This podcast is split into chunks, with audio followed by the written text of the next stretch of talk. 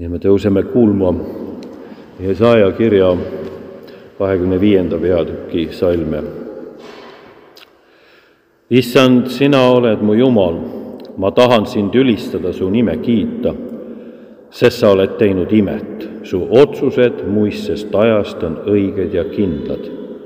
sest sa oled kindluseks viletsale ja pelgupaigaks vaesele ja ta kitsikuses ulualuliseks raju eest, varjuks palavuse eest on ju Jumala, jumalate viha otse, julmade viha otse kui raju, mis raputab müüri, otse kui lõõsk põua ajal, aga sina vaigistad võõraste möllu, otse kui palavuse pilve varjus vaikib julmade võidulaul. aamen. võtke nüüd istet.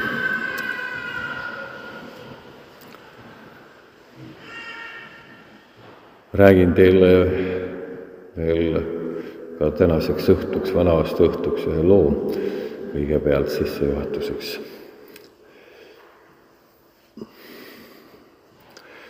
Jeesus on otsustanud minna vaatama tähtsat jalgpallimatši.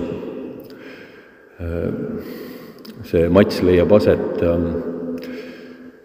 katoliiklastest ristirüütlite ja protestantlastest sõdalaste vahel. ja matši, armutu matši esimene värav tuleb katoliiklastest ristirüütlite poolt. ja selle uhke värava peale kargab Jeesus püssi, karjub kõva häälega, loobib oma mütsi ülesse ja rõõmustab, mis hirmus ja siis mäng jätkub ja varsti tuleb ka protestantidelt uhke väravalöök, mispeale taas Jeesus püsti kargab, karjub kõva häälega, loobib oma mütsi ülesse ja on väga õnnelik. kui ta on tagasi istunud, siis tema taga olev vanem spordisõber patsutab talle õlale ja küsib, et mees, kas sa tead, kelle poolt sa lõpuks ometi oled? Jeesus ütleb, ei kellegi poolt, ma lihtsalt naudin mängu. see spordisõber toriseb oma kõrvalistujale, et need tänapäeva inimesed ei saa ikka üldse aru millestki, ei tea nad usust ega kommetest ega väärtustest mitte midagi. selline lugu. täna meil vana-aasta õhtu ja siin see Jesaja kirja koht on tänamise kirja koht, kus prohvet pöördub Jumala poole tänuga tänuga selle eest, et neid, kes väetimad ja viletsamad, on kaitstud ja hoitud, vaatamata nende lootusetule olukorrale. ehk siis selles lootusetuses, milles rahvas oli, vägevamate võimu ja valitsuse ja sõjalise vägivalla all, on nende nii-öelda saatus pöördunud ja midagi on paremaks muutunud. Ehk siis lootusetuse olukorras on tekkinud lootus ja selle eest on põhjust tänada.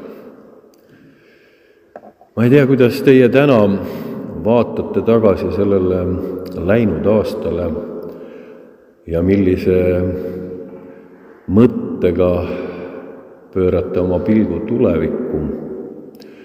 kas selles on lootust, kas selles kogemuses, mis selja taga möödunud aastast, on olnud midagi, mis teile kinnitaks, et tulevik tuleb parem, nagu me armastame soovida aastavahetusel.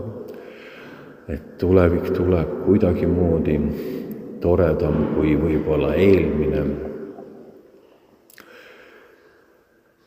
ma arvan, et selles tänases maailmas on meie ümber küllalt palju seda, mis meie mõtted pigem kõhkluste, ebakindluse ja lootusetusegagi võib-olla täidavad.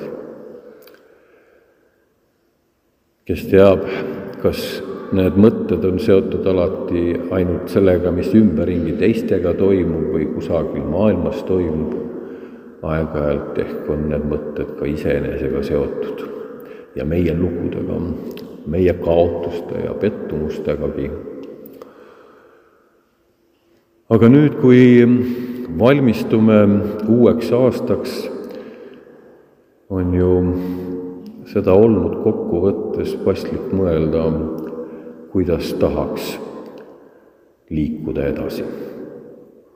mis võiks olla see, mis meid ähm, edasi liikuda aitaks ja mis meie mõtted võiks suunata. Kui Jesaja tänab Jumalat sellises kohas, kus lootus on tärganud lootusetus olukorras,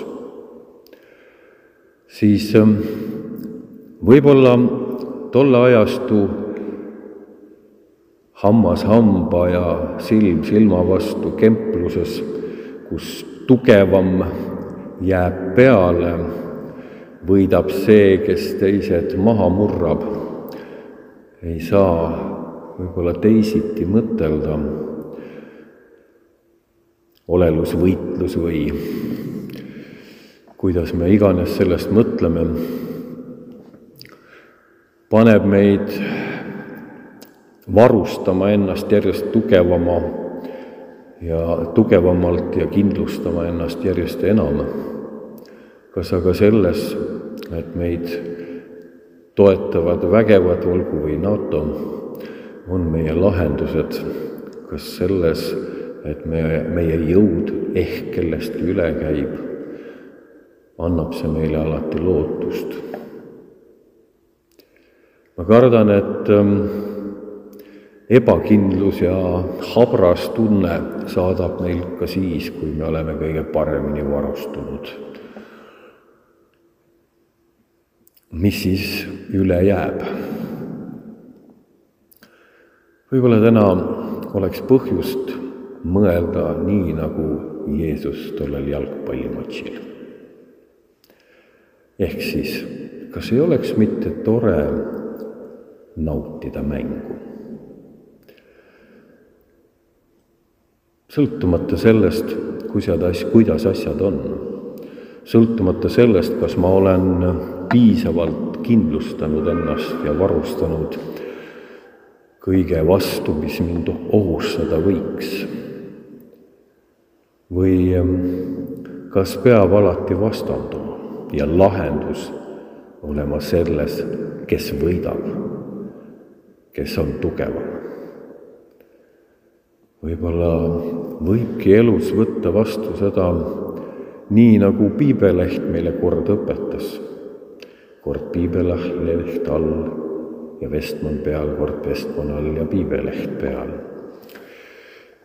elu käibki vaheldumisi, kes peal, kes all, aga mängu võib nautida ikka. ehk elu võib nautida. ja